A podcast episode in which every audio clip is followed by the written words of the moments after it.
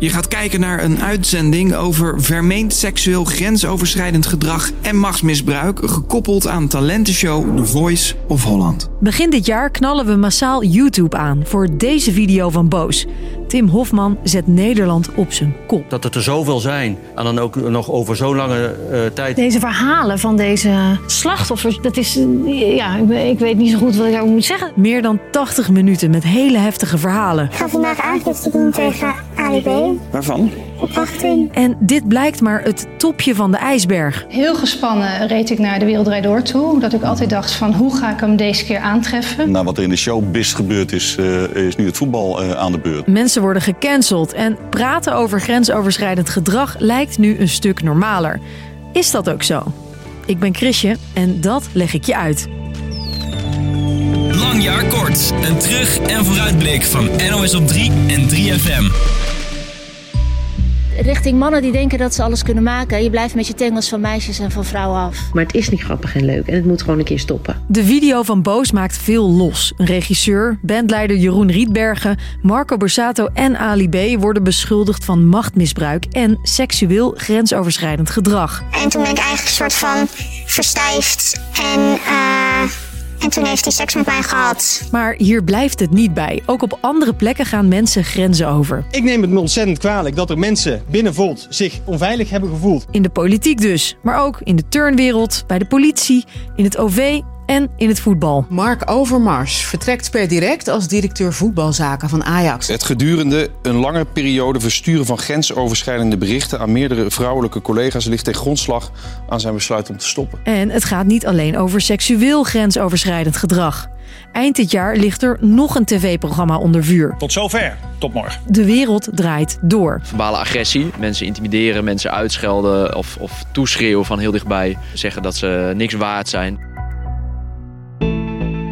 De berg aan vervelende ervaringen, slachtoffers en meldingen lijkt dit jaar enorm. Volgens Morus, een meldpunt voor ongewenst gedrag in de cultuursector, is het nu ook echt anders. Er waren natuurlijk al eerder wat grote zaken bij ons, maar we hebben gemerkt dat boos een druppel was en waardoor dit probleem ineens een nationaal probleem werd. Slachtoffers durven steeds vaker te zeggen wat ze overkomt.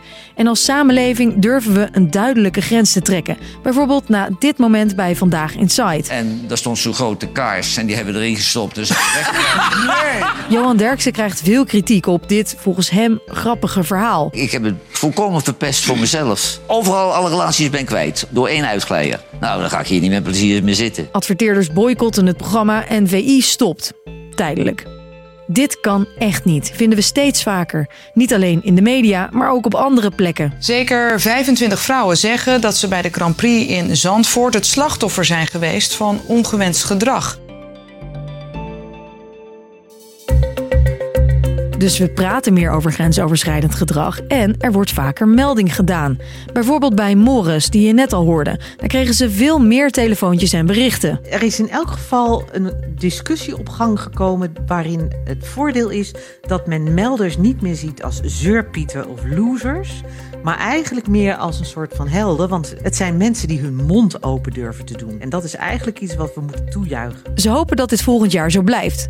Ook hulpverleners van het Centrum Seksueel Geweld zien dat 2022 echt anders is. En aan de ene kant is dat heel positief. Uh, zijn we er blij mee dat ook slachtoffers erkenning krijgen van wat hun is overkomen. Aan de andere kant zijn bijvoorbeeld ook slachtoffers die het er liever niet over hebben. En dat is dan wel heel erg lastig geworden als iedereen het er in de maatschappij over heeft. Maar we zijn er nog niet, zeggen ze. Wat wij heel belangrijk vinden is dat slachtoffers goed en snel hulp kunnen vinden. Dat er minder wachtlijsten komen dan nu. Uh, dat de drempel om hulp te zoeken laag is. Ook hopen ze dat het in 2023 niet alleen meer over grote zaken in de media gaat. Seksueel geweld achter de voordeur, wat bijvoorbeeld kinderen misschien wel een paar jaar lang meemaken. Ja, dat vinden wij gewoon heel erg belangrijk dat daar ook veel aandacht voor komt. Sinds april hebben we een regeringscommissaris grensoverschrijdend gedrag. Mariette Hamer is dat. Zij geeft het kabinet advies over hoe we ongewenst gedrag kunnen aanpakken. Ook horen we in 2023 meer over onderzoeken die nog lopen naar de NPO en de verdachte uit de video van Boos.